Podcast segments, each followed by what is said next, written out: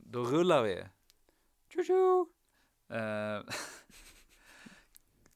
bra intro. Eh, Okej, och välkomna till T5-podden avsnitt 5, teorivecka 4. Precis. Eh, ja, och jag heter Robert Spörnli. Och jag heter Johan Watsö. Bra. Och eh, i teorivecka 4 då, då har vi kommit till slutet av terminen. Nu börjar det dra ihop sig här. Mm. Och då, det märker man även på momenten här. Vi har ett praktiskt prov på, på agendan. Oj, oj, oj. Oj, oj, oj, vad betyder det då? Jo, men det är nämligen samma sak som ni gjort två gånger tidigare, det är scenarioträning. Bara den här gången så examineras ni på, på hur ni handlägger patienterna, enligt ABCDE dock. Att eh, det är egentligen inte själva det medicinska resonemanget som vi betygsätter, utan det, eller som vi examinerar, utan det är ju eh, hur bra ni håller strukturen, om ni reevaluerar och om ni eh, gör en bra rapport till bakjouren. Så så länge man, man håller strukturen och sådär så brukar det gå alldeles utmärkt. Och vara väldigt kul och lärorikt också. Mm. Precis, men sen, eh, nu, jag är inte så involverad egentligen i scenarioträningarna, Mm. men det här med att egentligen inte, examinera inte det medicinska handläggandet, men eh, man har ju ändå en tanke om ja, men vilken, vilka diftdiagnoser man har. Ja, Och det är bra att säga det till sina, mm, jag tror att det här är mm, mm, ja precis. eh, så alla är med på tåget. Att man tänker lite högt. Ja. Precis, för om man, om man bara körde strikt ABCDE-tänket eh, utan att liksom eh, men informera vad man har för arbetsdiagnos, Mm, då, då kan det bli lite förvirrande ibland. precis. Så, så tänk på det. Eh, Ja, i det här så ingår, ingår ju också det här med, med eh, closed loop communication och precis. crew resource management som ni kommer lära er mer om senare Mm. under terminen. Eller ja, egentligen tidigare under terminen då, om ni är i teorivecka 4 när ni lyssnar på det här. Ja, Men det här med att man pratar med de andra i det akutteamet liksom. Och delger sina misstankar och sådär.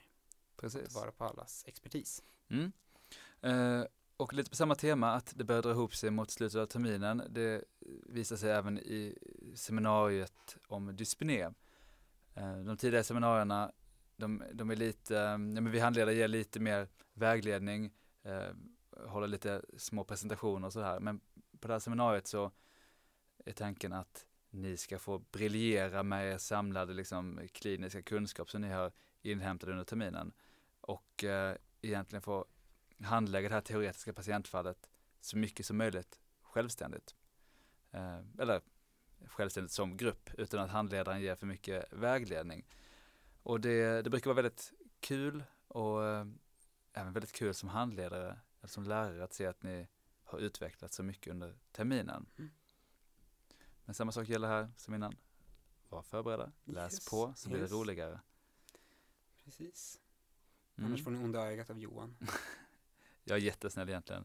Det, anledningen till att jag säger det i podden är jag är för snäll för att säga det i verkligen. Så, det är lättare när de inte tittar i ögonen. exakt, Ja. nu är det bara du som kollar Det var jag ögonen.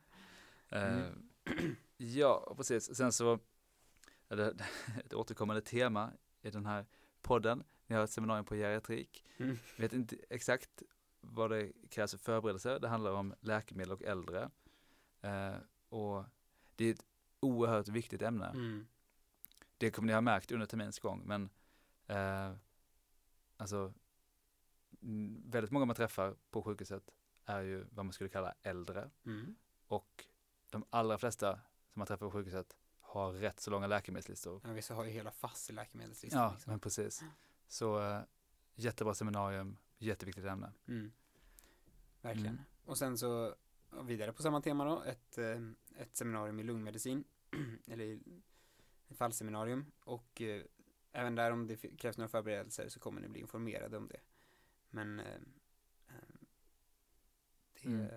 precis, det kommer ju info om, om det skulle vara så helt enkelt. Precis. Och sen så har eh, halva gruppen då eh, ett sånt här etikseminarium om interprofessionellt lärande, IPL, och besök på Nationellt centrum för kvinnofrid, Mm. NCK.